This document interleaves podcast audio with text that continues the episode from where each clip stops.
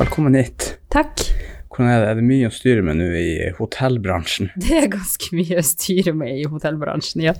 Ja, nå eh, når eh, eh, det her Finnmarksløpet, det er jo Scandic som er hovedarrangør, eller sånn her offisiell hotell til det, men jeg kan jo tenke meg at det blir jo ganske mye eh, sånn eh, ringvirkninger av et sånt arrangement som gjør at kanskje dere også får en del gjester i den perioden. Tenker du kanskje på Offroad Finnmark nå for sommeren? Ikke Ja, eller kanskje egentlig litt begge deler.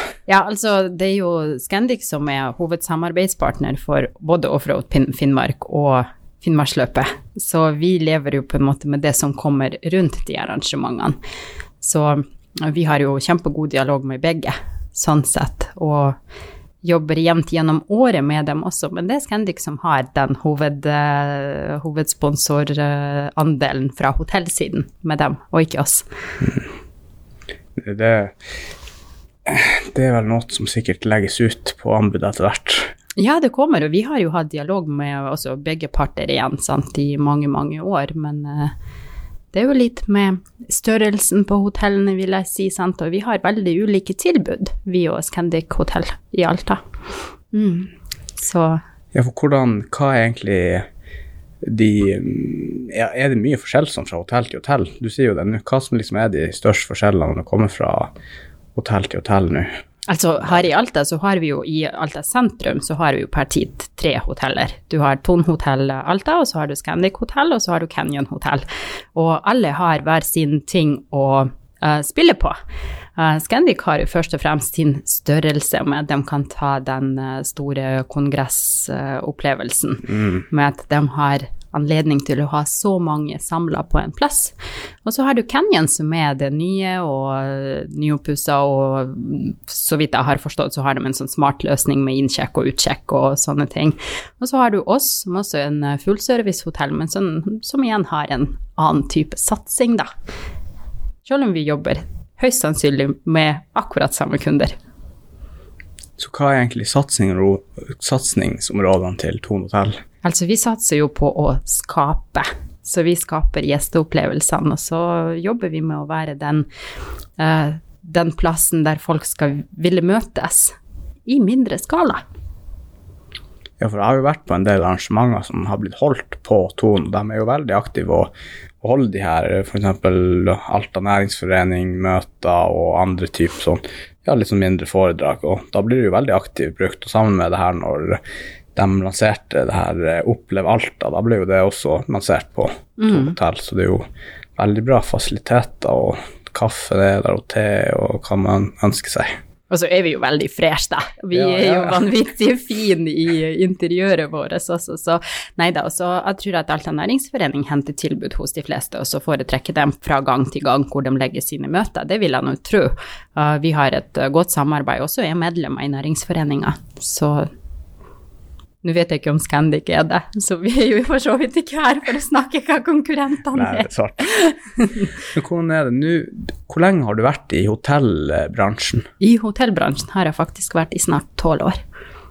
Så det begynner å bli en, eh, en stund. Jeg starta i 2011 i, på Ton hotell Elta med kontorplass der, men jobba da i en annen stilling helt fram til september i fjor. Ah. Hva du gjorde altså før det? Før altså i den så- stillinga? Jeg starta som eh, selger og jobba i salgsavdeling for Tone Hotels.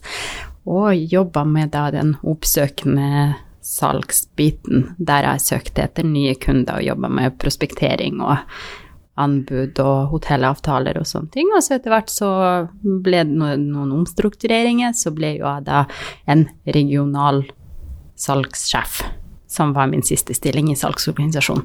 Og da jobba jeg regionalt fra i all hovedsak Brønnøysund og opp til Kirkenes. Reiste ganske mye, besøkte veldig mange av våre kunder og hadde den eh, gode, tette dialogen med kundene våre, som jeg også har tatt med meg videre i min nye rolle. Så da handler det mye om å egentlig opprettholde kundekontakter med eksisterende kunder, så at de skal fortsette å bruke tjenestene, eller oppsøker du mye nye aktører som kanskje har lyst til å bruke et sånn konferanserom i fremtida, f.eks. Her lokalt så jobber jo vi mer med å ta vare på våre gjester og våre mm. kunder, mens fra vår salgsavdeling der jeg jobbet tidligere, mm. satses det større på å skape nye relasjoner, og så klarer vi å pleie dem lokalt. Jeg tror at i det øyeblikket du tar kunden eller gjestene dine for gitt, så har du tapt. Så vi sørger jo hver eneste dag for at den gjesten og den kunden som kommer til oss, skal føle seg både sett og ivaretatt på den beste måten. Det, det er i hvert fall min visjon, at uh, det er ingen som skal føle seg tatt for gitt. Det er jo veldig bra mål å ha, egentlig, når man skal drive i en sånn uh, virksomhet. Men uh, hvordan var det nå når du, nå når du er i sjefsstolen? Hvordan har det vært nå de siste månedene egentlig å ha den opplevelsen? Turbulent, Turbulent hvis man kan si det sånn. Mm. Nei, altså Omstillingen fra å være en vanlig ansatt til å sitte ved lederroret er jo ganske stort. Så eh, først og fremst så fikk jo jeg eh, anledning til å ta over noe som var så bra.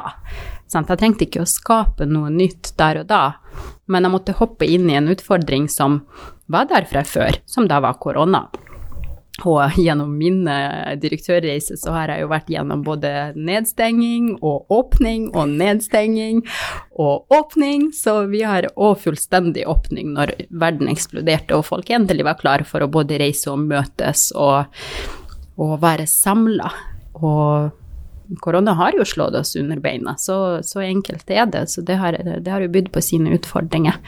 Så selvfølgelig, vi har eh, drevet til dels med brannslukking. Ja, vi har gjort det. Altså, her brenner det, vi må fikse det. Altså, her brenner det, vi må fikse det. Så den eh, Nå begynner vi å lande, så nå trenger vi bare noen små detaljer igjen på plass, så er vi Der skyter vi av gårde. Ja, for dere ble vel sånn her eh, koronahotell, at folk bodde der i den her 14 dagers perioden og Nei, karantenehotell, var ikke det det? Takk, der retta du på deg ja. sjøl, for ja. det har vært eh, store, det store hjertebarnet mitt da når jeg jobba i salgsorganisasjonen, at vi ikke skulle bli kalt for koronahotell. Ja. For det har vi aldri vært, og det har skapt så mange uh, negative kommentarer for at folk trodde at det var de smittede som har bodd hos oss. Det har ikke skjedd. Vi har vært beredskapshotell for karanteneinnlosjering avspasering, der vi hadde de gjestene som skulle sitte karantenetiden sin, og den var hos oss. Så i det det kunne blitt påvist smitte, eller var mistanke om smitte, så var den flyttet til et hotell som tok smittede. Ja, for det ser jeg jo, jeg ser jo absolutt at kan bli misforstått. ikke sant? Riktig. For det trodde jo jeg egentlig, at det var folk som var smitta. Men liksom, man tenkte jo ikke noe mer over det. Men da, må, da ser man jo hvor viktig det er å faktisk eh, å tenke nøye gjennom hvordan man ja, fremmer ting, og hvordan du legger frem ting, og for at det skal bli tolka riktig, og at eh, ja, for det der hadde jo ikke noen tenkt på kunne bli et problem. At folk ja, der er det bare smitta. Mm. Da kommer vi aldri til å fære. Mm. Men det er jo veldig reelt. For at hvis man tror det har vært et hotell fullt av smittede, så får man vel ikke dit, da. Ikke sant. Og det, har, det er jo det som kunne ha skadd vår eh, rykte på et tidspunkt, men da valgte vi å ta grep og faktisk eh, snakke om det. Så vi har jo sendt ut informasjon til våre gjester og våre kunder når de såkalte rykter, hvis man kan si det sånn, det har begynt å svirre, og to ned karantene, nei, koronahotell, som ja. var sagt. Og da var sånn, nei, nei, nei, nei, vi er ikke koronahotell. Og da var det jo da, å opplyse dem om det samarbeidet vi hadde med Alta kommune, og hvor godt rysta vi faktisk var, og hvor gode rutiner som har blitt utarbeida for å få det her til. Og det har jo Linda stått for, hun som var direktør hos oss før. Og de rutinene til enhver tid var fulgt til punkt og prikke. Så for meg personlig så var det veldig viktig, og en sånn oppriktig irritasjonsmoment når vi var kalt for koronahotell, for at det var vi ikke. Noen gang. Nei, jeg skjønner jo det. Men eh, jeg kan tenke meg, det var vel eh, det er jo sikkert en lettelse og sånn økonomisk sett å få et sånt der oppdrag, for da blir ikke alt kommune oppdragsgiver, da, eller kunden, da, egentlig, at de kjøper f.eks. x antall rom som kan bli brukt som eh, karantene i den mellomtida. Så det er jo en bra sånn eh, måte å komme seg litt på beina da, etter det her koronalivet eh, over. Ja, og så jeg syns jo at eh, den avtalen som vi hadde med Alta kommune og det enormt gode samarbeid, har hjulpet oss veldig på veien, og vi har verdsatt både den dialogen og det samarbeidet vi har hatt med dem og med kommuneoverlegene. Det har vært helt fantastisk. Det er ikke å legge under bordet at uh, jeg sjøl kom inn i den avtalen litt seinere, så den avtalen har ikke jeg tatt del i når den ble utarbeida, men uh, helt i slutten av koronapandemien og den oppblusninga av det, så var jo en del av det å holdt dialogen med både kommuneoverlegen og, og kommunaldirektører for øvrig. Så vi har, vi har snakka veldig godt sammen. Så det var en veldig god start for meg å ha en så god dialog med dem, for å hoppe inn i en sånn rolle med det ansvaret du har overfor både dine gjester og offentlige myndigheter. og uh, den usikkerheten som det byr med seg, ok, hva skal jeg gjøre nå? Nå er det plutselig bare selvtester, og en gjest har testa seg, men verden har egentlig åpna opp, skal vi flytte den gjesten? Så det har bydd på mye usikkerhet for meg, som var så fersk i rollen min. Så de har vært en uh, kjempegod støttespiller, rett og slett. Ja, man blir jo, man blir jo blitt hevet ganske ja, rett inn i turbulensen, kan man jo trygt si. Ja, man gjorde det. Men jeg visste jo hva jeg gikk til. det er jo litt artig, egentlig. ja. Man får jo litt utfordring og får testa sine egne grenser. Helt klart. Har du tenkt å bli direktør for hele Ton-gruppen i hele Norge til slutt, eller? Nei, det har jeg ikke. Um, vet du, jeg er jo kanskje blitt så inngrodd og lokal at Alta betyr så mye for meg, både som boplass og som arbeidssted og som Ja, nei, altså, jeg blir nok her. Og jeg har ikke noe Med hånd på hjertet så har jeg jo vært veldig åpen om det når jeg jobber i salg. Nei, jeg skal aldri jobbe i drift, jeg skal aldri jobbe som direktør, nei, jeg skal ikke være hotellansatt, jeg skal bare jobbe med salg. Men så forandrer jeg meg, og så forandrer tiden seg, og så var muligheten der. Og da kunne jeg ikke rett og slett eh, la være å søke på den jobben når eh, den ble ledig. Nei, det er jo veldig spennende. Så Alta er jo en fantastisk plass. Helt klart. Den liker jeg også. ja, det tror jeg. Det er derfor vel vi bor her, hele gjengen. Mm. Men uh, hvordan er det nå, med tanke på nå når koronaen er over, og vi har jo lest mye i avisene nå at det har vært en liten sånn kompetanseflukt fra eh, hotellbransjen, eller egentlig reiseliv generelt, pga. koronakrisa. At det har vært frykt at folk egentlig ikke Jeg kan godt tenke meg hvis du har jobba i reiseliv hele livet, og så plutselig så skjer det her. og da tenker man seg, ja, kan det her skje igjen? ikke sant? Så får man vel en sånn her kompetanseflukt. Men hvordan har det påvirka eh, Thon hotell og drift her i Alta? Så her i Alta så har vi jo vært egentlig veldig, veldig heldige. For vi har jo ikke stengt gjennom koronapandemien. Vi har holdt åpent, vi har holdt oss innenfor forsvarlig drift, sant økonomisk, ja. Vi har permittert våre ansatte på et tidspunkt, men når jeg kom i min rolle, som Ada kan snakke om innenfor min tid, så har ikke vi hatt permitteringer. Vi sto for faren for permitteringer rett før jul, og lille julaften så kom jo den beskjeden da at vi permitterer ingen, og det var den beste julegaven jeg noen gang kunne ha fått. Det er det at jeg slapp å si til mine ansatte at du har ikke jobb i morgen. Uh, det var en god følelse. Jeg kjenner forfrysning av, av, å tenke på det, hvor godt det faktisk var å slippe permitteringer.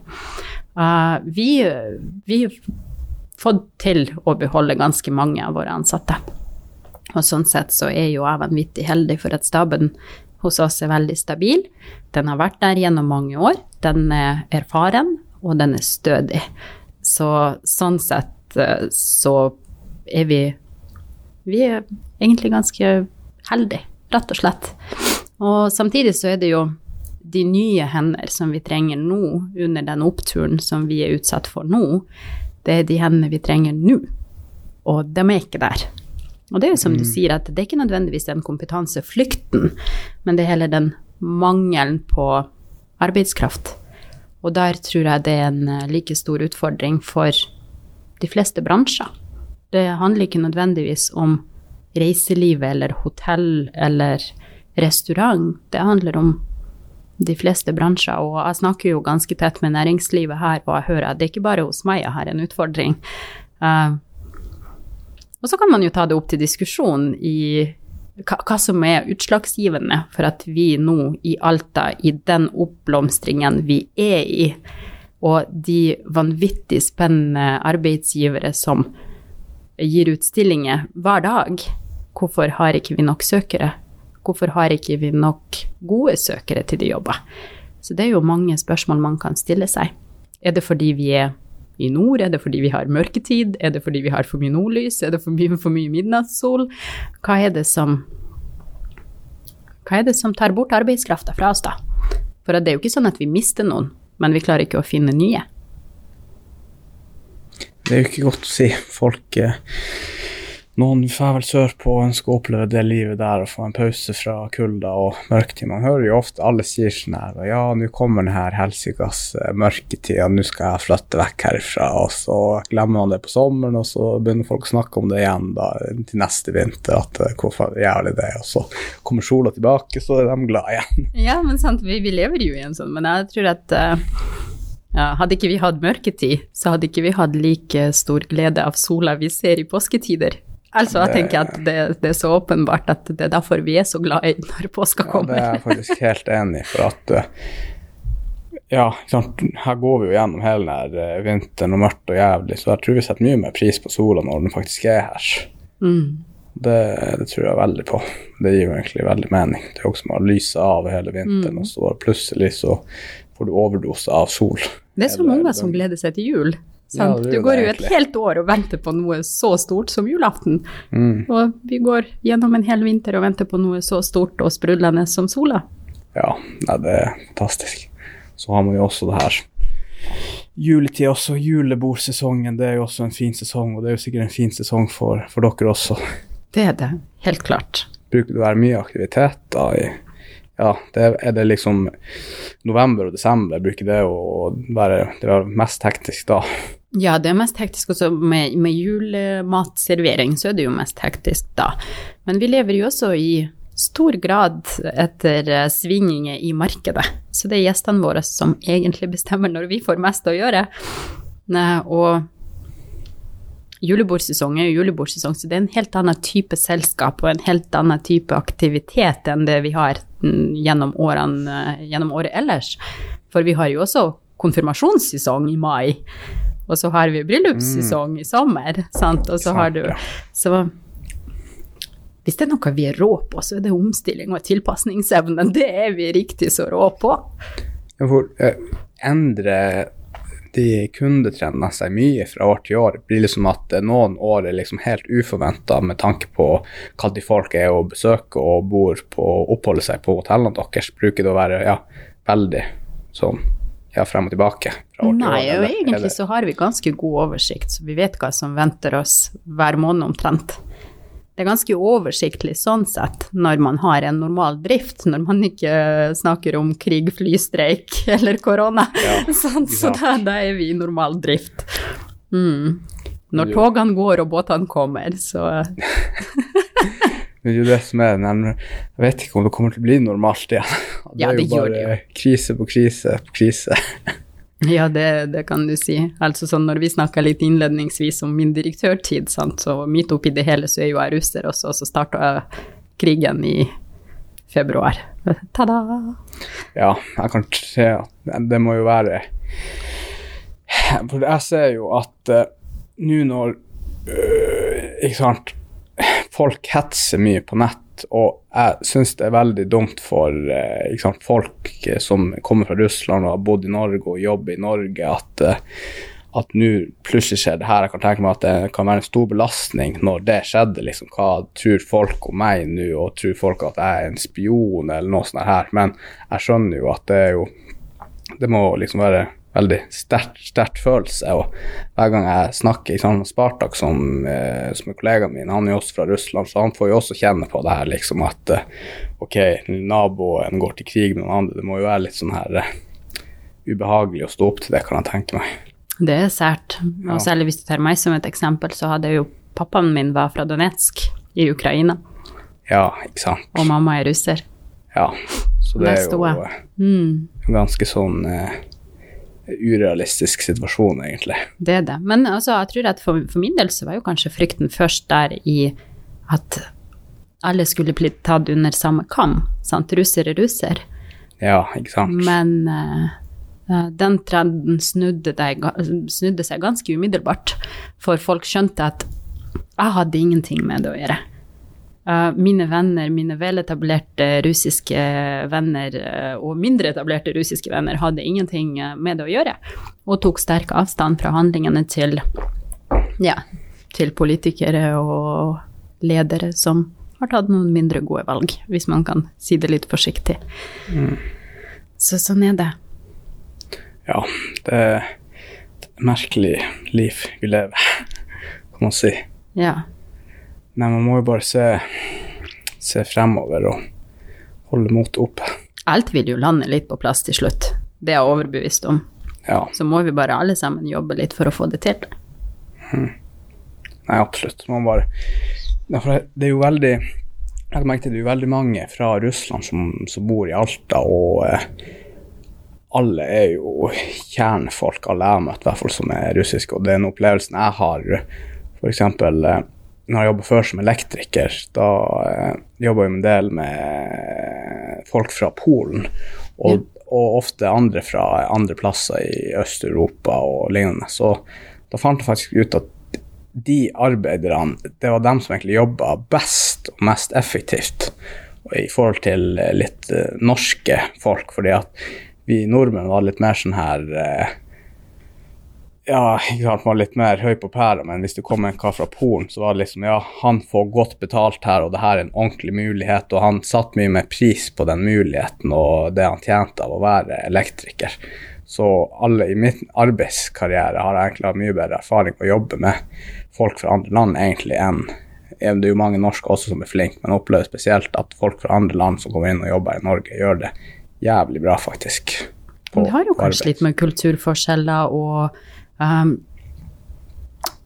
ikke nødvendigvis arbeidsmoral. Nå var jeg litt tom for ord her for å ordlegge meg rett, men mm. uh, å verdsette en jobb Altså i mange, mange andre land, også mitt hjemland inkludert, så er det sånn eh, er du, er du uten jobb, så er det ingen som kommer og hjelper deg. Jobb er ditt levebrød. Jobb er det, det du lever for og lever av. Hvor rett det er, det kan jo selvfølgelig diskuteres, men sant, altså uh, i min oppvekst så var vi jo hevet ut i arbeidslivet ganske tidlig, ikke fordi foreldrene våre ikke ville forsørge oss, det ville de selvfølgelig, og de hjelper oss til på veien, men uh, hvis du skulle bli noe, så måtte du jobbe for det. Uh, det er ikke sånn at du kunne utdanne deg gang på gang på gang og få en ny utdannelse hvis ikke du fikk til en plass. Du har én mulighet i livet, du, tar du den, eller glipper du den? Det er på en måte enten eller, så alt er litt mer svart på hvitt i de Eh, mindre velstående land. Hvis vi ser på Norge, her har vi alt til rette for å kunne leve livet uten at jobb skal være det som skal gi deg livsglede og livsmuligheten. Uh, og det, det tror jeg gjelder også for de kollegaene du har hatt fra Polen. At det er også samme at ok, nå er jeg så heldig at jeg har en jobb.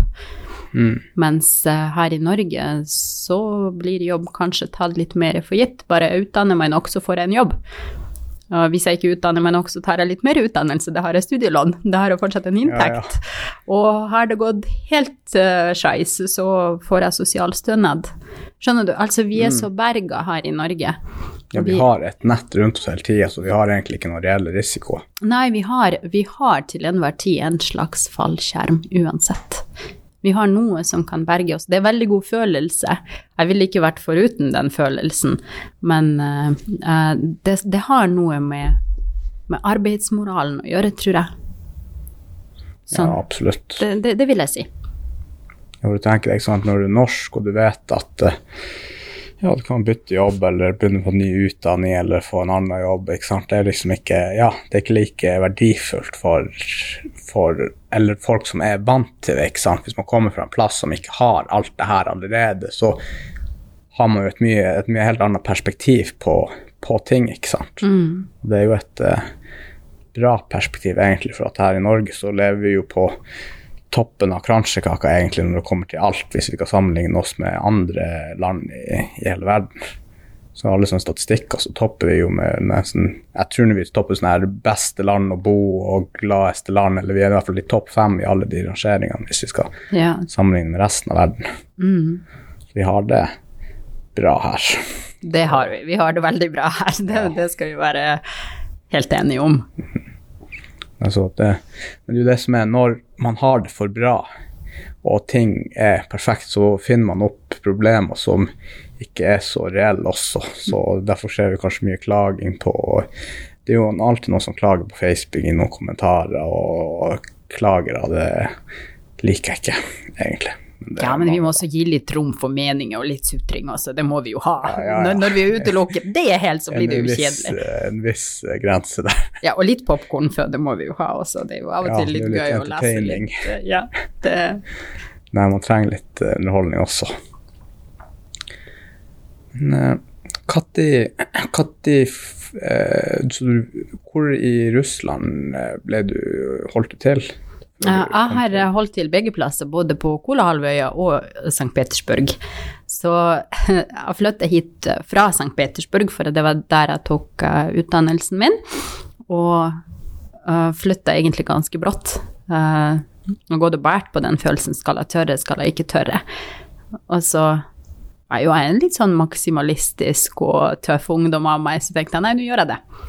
Så sa jeg opp jobben, eller jeg sa ikke opp jobben, jeg bare tok ikke opp på jobb dagen etter for at jeg dro. så ja, nei, jeg pakka sakene mine og dro. Jeg husker jeg ringte mamma og sa at jeg drar til Norge, og så spurte mamma når jeg kom tilbake. Og da sa jeg at jeg kommer ikke tilbake. Og så ble hun litt satt ut, da, og så sier hun ja, hvor lenge blir du? Så sier jeg resten av livet, sannsynligvis. Og her er vi så mange år seinere. Hvordan, hvordan reagerte hun når eh, du sa det? Jeg tror hun mamma har forstått ganske tidlig at jeg ikke ble en patriotisk russer. Um, jeg starta litt med utvekslingsprogrammer på ulike vis. Egentlig så hadde jeg jo sett for meg da at jeg skulle flytte til Finland. Dit skulle jeg fære, og der skulle jeg bo. Og så var jeg på et utvekslingsprogram og bodde i en eh, vertsfamilie i Finland i en måneds tid. Og så dro tilbake hjem til Russland og fikk besøk da av samme eleven fra Finland hos meg, som bodde hos meg i en måneds tid, og sånn drev vi litt med utveksling. Og uh, på et tidspunkt så bestemte jeg meg, eller jeg var vel ja, 11-12 år, når jeg sa til mamma at jeg skal bo i Finland for resten av livet. Ja, det er jo ganske ungt. Og så sa jo mamma ja, ja. Good luck. ja, sånn, ja, ja. Uh, og så uh, ble det jo da en mulighet bydde seg da litt senere i oppveksten min at uh, Barentssekretariatet uh, hadde et samarbeid med Finnmark fylkeskommune. Og de utlyste en konkurranse mellom uh, avgangselever på videregående. Uh, og den konkurransen gikk ut på ja, egentlig finne den beste kandidaten til et utvekslingsprogram for et år i Norge. Og den gjemte mamma så langt så at jeg ikke kunne finne den. og så var jo min gudmor da som ringte meg og sagt at 'du, har du sett den her?' Og jeg tror mamma og gudmor snakka sjelden til lag siden for at uh, den dukka opp i mitt liv. Og så klart vant jo jeg den konkurransen. Selvfølgelig. Ja, ja. Sant. Og så kom jeg til Norge. Og så kom jeg til eh, Norge og begynte på videregående på andre året her. Og gikk ti måneder skole her. Det var vel overgang 2003-2004, ish, der omtrent. Så bodde jeg i en uh, vertsfamilie og uh, fikk en veldig god, inkluderende gjeng rundt meg som hjalp meg i språkopplæring og kulturlære og egentlig det aller meste. Mm. Så jeg er veldig takknemlig for akkurat den muligheten da, og måten den vertsfamilien har tatt meg imot. Uh, og da når jeg flyttet tilbake til Russland igjen og fullførte utdannelsen min der, så foreslo de da at jeg kunne bo hos dem hvis jeg skulle komme tilbake.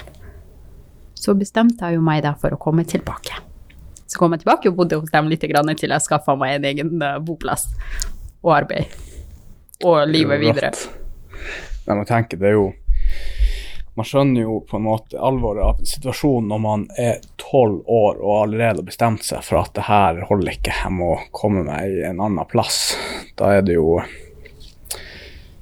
ja, det kan jo være, ja, man merker at det er litt forskjeller mellom landene da, og hva de yngre har på jern enn her i Norge, kan man jo si. Ja, men jeg tror ikke det gjelder de aller fleste. Hvis du kan ta som et eksempel mitt, eh, mitt eget blod, da, som er min søster. Hun kunne ikke i sin villeste fantasi forestille seg å flytte til et annet land. Sant? Der igjen så har du en tvers igjennom patriotisk russer så nei, det var noe med meg. Jeg vet ikke. Jeg er kanskje en raring, kanskje. Det er vi alle. ja, så nei, men kanskje jeg er bare bestemt og målretta. Hvor, når du er i Russland, og, eller i Russland generelt, eh, er det veldig mye mer sånn eh, patrioistisk, patrioistisk enn her Patriotisk. Patriotisk, ja takk, da, enn her i Norge? Eller sånn generelt i forhold til andre land? Nei, vet du hva, Den, det, det, spørsmålet kan jeg faktisk ikke svare på. For at patriotisme er jo noe som lever i deg. Sant? Enten så ja, som, en, eh, som en eh, god bekjent av meg sa, at eh, ja, jeg tar meg et skudd i hodet for Norge. Ikke sant? sant? Ja. Mm. Ok, da er du patriot, vil jeg nå ja, si deg. sant? Da, da, da, er du, da, er du, god, da er du glad i landet ditt og kongeriket. Uh, jeg ville verken tatt et skudd for Norge eller Russland, for å si det sånn jeg, jeg, lever livet, jeg tilpasser meg isteden. Sånn, sånn. Ja, uh, satt litt på spissen da, sånn, så uh, Ja, jeg vet ikke. Jeg vet faktisk ikke.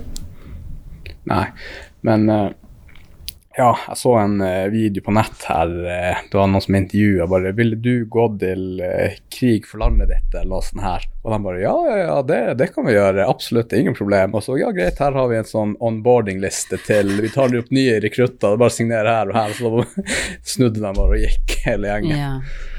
Så ja, nå ligger mye i kjeften også på, på mange. Ja, man må mene litt alvor med, men med noe så stort, da. Sant? Altså, nå har jo jeg vært uh, i uh, patriotiske klubber og sånt når jeg var lita, uh, og gikk gjennom partisanstier og opplevde en sånn villmarksliv som soldat. Jeg er riktignok ikke soldat sant, på noen som helst måte, men vi lærte skytevåpen, og vi var elever som gikk flere titalls kilometer på treski med bare en sånn reim rundt sant, for, å, ja. for å lære overlevelsesmetoder, Uh, uh, og bodde i sånne snøhytter og gjorde masse sånne ting for at vi skal oppleve Vi skulle lære oss å leve litt sånn som uh, soldatene under andre verdenskrig levde. Og vi besøkte veldig mange av de plassene, så jeg følte jo når jeg vokste opp at jeg var russisk tvers igjennom, og jeg er jo fortsatt russisk, og jeg vil alltid være russisk, men uh, med norsk pass. Sånt. Det, det kan jeg også være. Ja. Så nei, men det Patriotisme er jo noe vi lærer våre barn, og vi lærer oss sjøl, og vi må kjenne litt på det. Mm, Nå levde jo du, for eksempel, som er ganske så jevngammel med meg, sant? du levde ditt uh, barndom og ungdomsliv i en åpen verden der du kunne dra hvor som helst, når som helst, mens jeg vokste opp i en verden der du skal søke visum hver gang du skal over grensa. Mm. Og det gjorde vi bare ikke. Sant? Vi hadde alle fasilitetene sjøl. Vi kunne dra til Sotsji og besøke Svartehavet. Det var Syden vår, sant? hvor dere dro til Alicante, sannsynligvis. Ja, ja Hellas, Hellas ja, og Tyrkia. Der har du, sant. Og, Kreta. Ja. Og det er først når jeg ble voksen, så dro jeg for første gang til Egypt med min søster. Jeg var voksen. Eller voksen og voksen. på pyramidene og ja, ja, ja. ja, ja, ja. Dere på toppen av pyramiden? Nei, det var ikke. Det ser ganske um, fascinerende ut, de pyramidene. Jeg tror det tok, tok, noen uker i hvert fall å få dem opp. Ja, det vil jeg tro. Uff, for et arbeid. Men der var det også noen som var ganske målretta med hva de skulle ja, gjøre. Det kan du trygt si. Tenk. Men det er også, ikke sant, for Russland er jo et eh, ganske stort land, ikke sant, så hele, halve verden er jo egentlig i Russland. Mm. kan man jo si. Så jeg skjønner jo godt at man egentlig ikke tenker så mye på å reise så mye, siden at man du er jo i eget, eh, en egen verden når du er i Russland, siden det er så svært. ikke sant? Ja, så har du alt. Mm. Hvor, Kanskje, hvor langt er det helt til venstre til helt til høyre? Ja, det kan jeg jo ikke i skritt. Men, men, eh, har men eh, skritt, ja. jeg har jo for så vidt ikke reist gjennom hele Russland heller.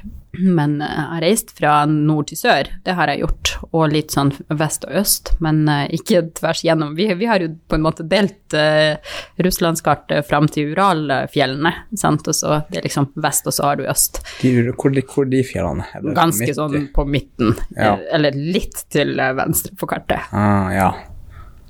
Da henger jeg med. Ja, så nei, men eh, jeg er jo fra sentral-Russland, og så har jeg jo levd deler av mitt liv på Kola-halvøya også. Så nei, det Vi hadde egentlig alt der vi var. Hva har du eh, Er det noe du legger merke til, sånn kulturelle forskjeller? Er det noen sånne store kulturelle forskjeller som utmerker seg, som du har lagt merke til? Ja, ganske Norge mye. Den første Ja, det er veldig mange merkelige norske, ultranorske ting Ja. som man faktisk sjøl har tatt i bruk nå. Men uh, kanskje den største var eh, når jeg kom i klasserommet på videregående, og du vet, vi i Russland, sant, vi er jo ganske sånn uh, barsk, og vi hører på lærerne, og har læreren sagt 'stå', så står du. så det er ikke noe, du sier ikke noe imot oss. Og mine medelever, da, som var norske medelever, og jeg var den eneste russiske eleven på videregående når jeg var på utveksling her, så satt de med fota på beina, nei, på bordene, og så sa de 'du' til lærer. Mm. De sa bare 'du'. Så lærte jo jeg ganske så etter hvert at 'du' var en måte å henvende seg på til folk. 'Du!' Sånn. Og det var sånn Å, er det sånn? man- Altså, i Russland så sier vi jo navn og mellomnavn, sant, og høy god dag og kamerat og Ja, sånn uansett, egentlig. Ja, altså du henvender deg med navn til personen. Ja. Det har litt med rangstigen også å gjøre. Uh, du ville jo aldri kalt en lærer med bare fornavn. Det er sosialt uakseptert. Når du snakker med en lærer, så skal du si navn og mellomnavn. Ah, ikke sant. Ja, det har med respekt å gjøre. Og så har vi du! Ja, jeg vet eh, Vanligvis når jeg sier du, så er det ofte fordi jeg ikke husker akkurat navnet der og da. Du, kan du komme hit, eller noe sånt. Det hender av og til. Ja, men jeg tar jo meg sjøl i det også, sant. Jeg kan si det til og med til eh, mine kolleger, men det kommer gjerne du først, og så kommer navnet etterpå, for at jeg tar meg sjøl i det. For at jeg syns nesten at det er litt uhøflig å si du. Ja. Jeg ville jo heller sagt uh, Nei, men du, Magnus, sant. Det, Ja, ja. det er noe annet enn å Det si du, hør på meg, sant. Mm. Det har litt med Nei, jeg vet ikke. Så er det jo mange andre ting. Det kan man egentlig ta en egen podkast på, tror jeg. Ja, det banner på. Hva er Nå har jo det her opplevd Alta blitt lansert. Oppleve Alta, er ikke det en sånn eh, måte å eh, erstatte det her langhelg av konseptet som var før, Mm. for å trekke inn eh, litt mer aktivitet i de månedene som er originalt omsatt lavest. Var ikke det noe sånt som var greia? Ja. Har dere noe sånn eh, Har dere noe med det konseptet å gjøre, eller bruker dere det her konseptet i deres markedsføring? Ja, vi gjør det. Vi gjør det, og både jeg og Linda uh, Heltene, vi, vi har jo deltatt i den arbeidsprosessen. Uh, Linda har jo vært gjennom hele prosessen i forbindelse med langhelg i Alta, og uh, jeg kom inn i det i siste liten nå, og vært med på det arbeidet med, med kreativ industri, det som ble skapt i samarbeid med dem. Og det er jo et Eh, rebranding i seg sjøl er ganske kult, i tillegg til det arbeidet som kreativ industri har lagt uh, i det, i tillegg til den jobben som arbeidsgruppa har lagt i det, pluss uh, styringsgruppen. Nei, og så syns jeg det er et vanvittig godt samarbeid, og det gjør meg så stolt hvor godt næringslivet jobber i lag. Og hvor mange innovative ideer det finnes i hodene på folk. Sant? Og at vi gikk fra en lang helg i Alta til noe som heter Opplev Alta, som kanskje kommunisere litt mer tydelig.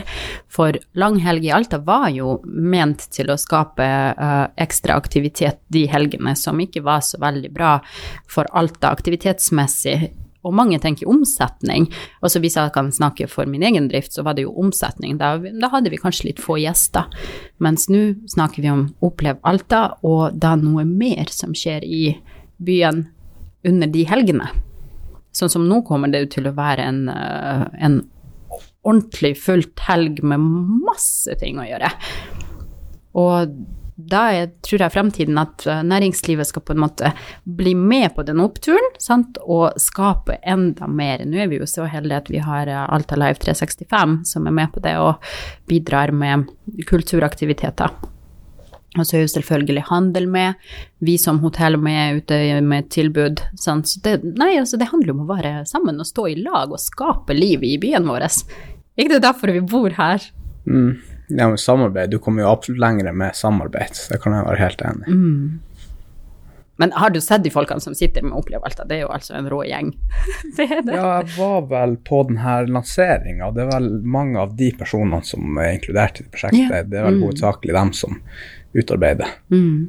men jeg likte absolutt konseptet, og vi må jo bare satse på at det blir enda mer aktivitet her. Er det sånn at det er fire helger i år det opplever alt, eller er det én? Det var et utgangspunkt. Ja. Hvordan det faktisk blir, det vil jo være opp til, eh, til gruppa. Ja, ikke sant. Det får det enda litt i sånn ja, ja skrible. For vi skal jo jobbe videre med den strategien sant, og kommunikasjon og alt det her, så uh, det er jo verken opp til meg eller noen andre. Det, det er kloke hoder som skal sitte i hop og finne ut hvordan vi skal skape de aktivitetene, for dem skaper vi jo sjøl. Det er bra f.eks. at du inkluderer deg i det, da, siden at du har denne erfaringa med salg allerede i, fra en så kjent kjede. Ja. Det kommer bra innspill og forslag. Ja, altså vi, nei, det, det, handler jo også om sammensetning av folk, og hvor ulike og like vi kan være på samme tid, og der jobber man egentlig best. Jeg tror at det det er sånn som med styrearbeid, sant. Altså om alle er likedan og alle er enige, så kommer man ingen plass. Ja, for da er du bare samme person ganger to. Ikke sant. Eller seks. Og så ja. sitter man rundt et bord og ja. Samme idé, enig. sant. Og da kan vi jo tenke bort innovasjon og de sinnssyke ideer som faktisk skaper årets fremtid.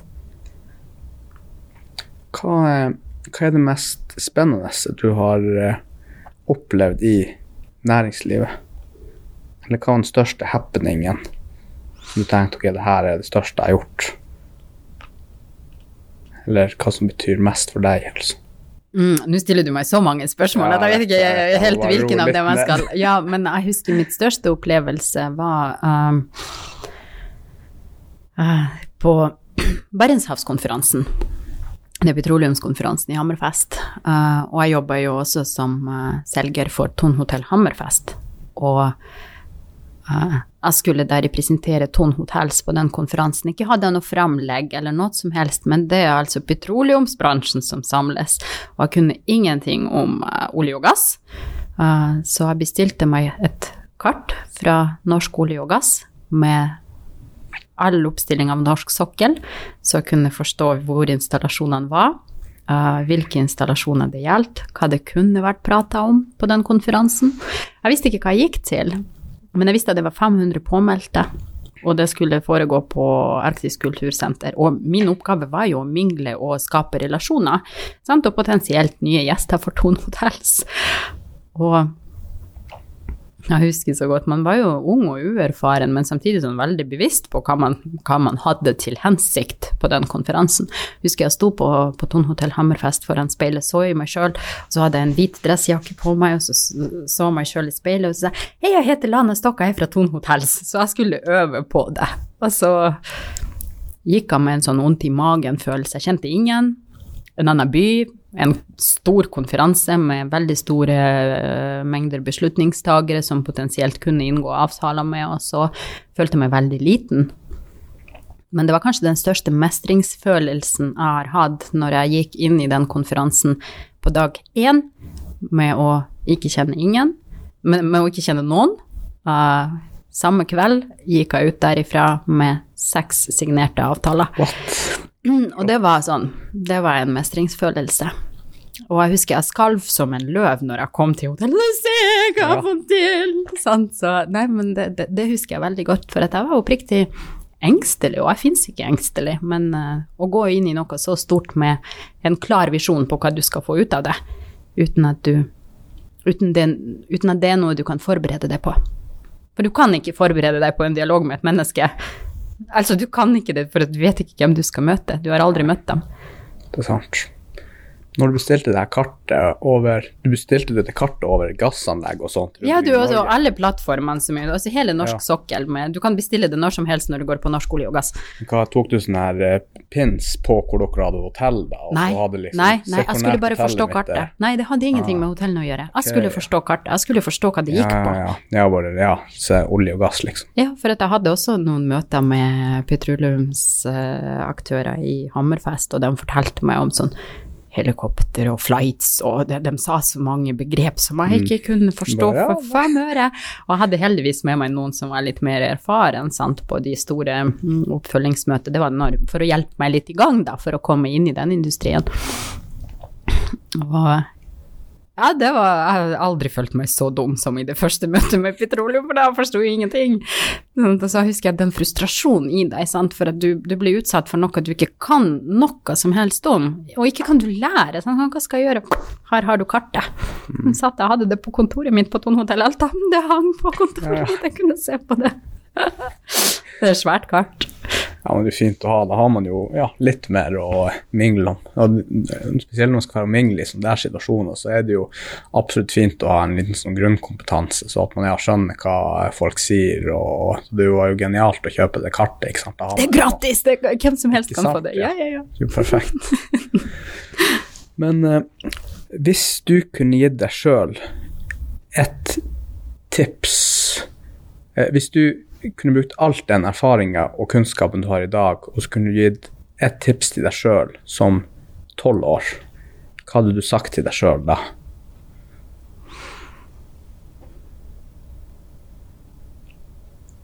Var tolv år. Ja, Da ville jeg sagt spar i fond. For perfekt. Nei, altså, man kunne jo selvfølgelig funnet noen andre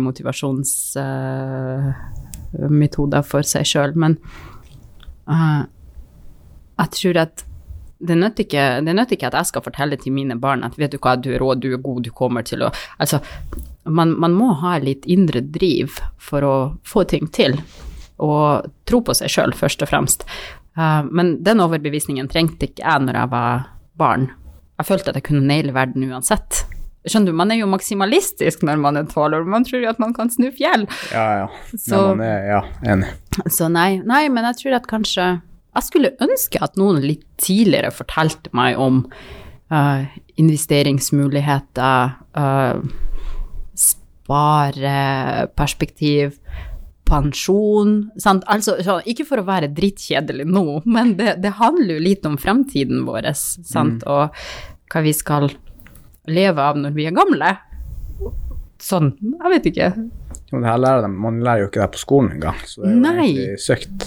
Det er jo ganske sykt. Så det er ingen, det er ingen som sa til meg at jeg skulle spare eller skatt. Skatt lærer jeg ungene mine med godteri. Ja. Der har du seks godteri, én tar jeg for at det er skatt. Ah, genialt. ja, det, da skjønner jeg i hvert fall det ganske godt. Og, Ja, de liker ikke skatt. nei, Nei, det, vel, ja, det er ikke så mange som gjør det, men, men det har jo sine fordeler. Helt klart. Det er derfor vi lever så godt, sånn som vi snakka om innledningsvis. Nei, men altså, invester mer i fond, og investere i aksjer hvis du har en ekstremt høy eh, risiko, eller hvis du er veldig risiko, lik risiko, så er aksjer bra, men eh, da går du fortere til null enn med fond. Det er det sikkert. Ja, og eh, sparing, Ja. det er det viktigste. Det, det, nei, selvfølgelig er det ikke det viktigste, men det er noe som jeg ville sagt til meg sjøl som tolvåring. Sånn, la meg spare lite grann.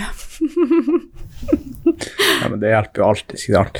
For det er jo hvis du har eh, generelt hvis du har penger, så har du jo en mulighet når bilen går til faens, ikke sant. Du har litt buffer, og man vet jo aldri hva som skjer også. Det er jo det som er. Så er det jo også eh, Hvis du får ser en mulighet, og så har ikke du kapital til å eh, eh, gjøre noe med den muligheten du har foran deg, så er det også en veldig stor sånn bummert. Mm. Det er jo også muligheter som dukker opp av og til, og som krever penger. Men hvis du bare har 50 kroner på konto, så kan man jo ikke gjøre så mye med det. Ja, kanskje man kan investere den 50-lappen Det kan også. man gjøre. Det kan man gjøre. Så Kan en- gror den til noen millioner etter, Ja, etter det et kan, par det kan fort skje. Er er det noe du ønsker å promotere? Hva som helst, privat eller jobb? Promotere. Ja. Hva du tenker på da? Sånn frem et fremtidig arrangement dere skal ha på Tone Hotell, eller er noen komikere som kommer og skal synge der, eller snakke der, eller Mm, nei, akkurat nå så tror jeg jeg skal holde litt igjen, for jeg har noen planer, så skal jeg heller Ja. holde dem litt igjen. Så det er noe spennende som skjer i fremtida. Altså mm, det Hvis ikke det skjer noe spennende i framtida, så har vi mislyktes. Sant? ja. Altså, det, det, det, er så enkelt. Nei, altså, vi må jo, vi må frem. Perfekt. Ja. Eh, Har du noe fritid, eller? Ja, jeg har fritid. Eh, Jeg har fritid tilsynelatende, men sant, jeg er jo ennå i den eh, eh, bygge meg sjøl-fasen som leder, så selvfølgelig tar det veldig mye av min tankevirksomhet døgnet rundt omtrent. Og, uh, men jeg kan kose meg, det kan jeg gjøre. Og så har jeg jo selvfølgelig fritid som jeg dedikerer til min familie, og mine nærmeste tross alt to barn. Ganske små barn ennå. Har du noen hobbyer? Jeg har noen veldig sære hobbyer, og så har jeg noen mindre sære hobbyer, og så er jeg jo egentlig en ekte altaværing, så jeg kjører snøscootere også, sant? så fisker jeg litt og, går på fjellet og og går til fjells og fjelltoppene og ja, jeg er jo egentlig en helt vanlig kvinne, sånn som du er en helt vanlig mann. Ja. Jeg tror det ikke er en bedre avslutning enn det på podkasten. Da vil jeg egentlig takke deg for at du kom innom på en stressende dag og for å snakke litt her på podkasten. Det var veldig koselig. Takk for at jeg fikk komme. Ja, ingen problem. Ha det bra, alle sammen.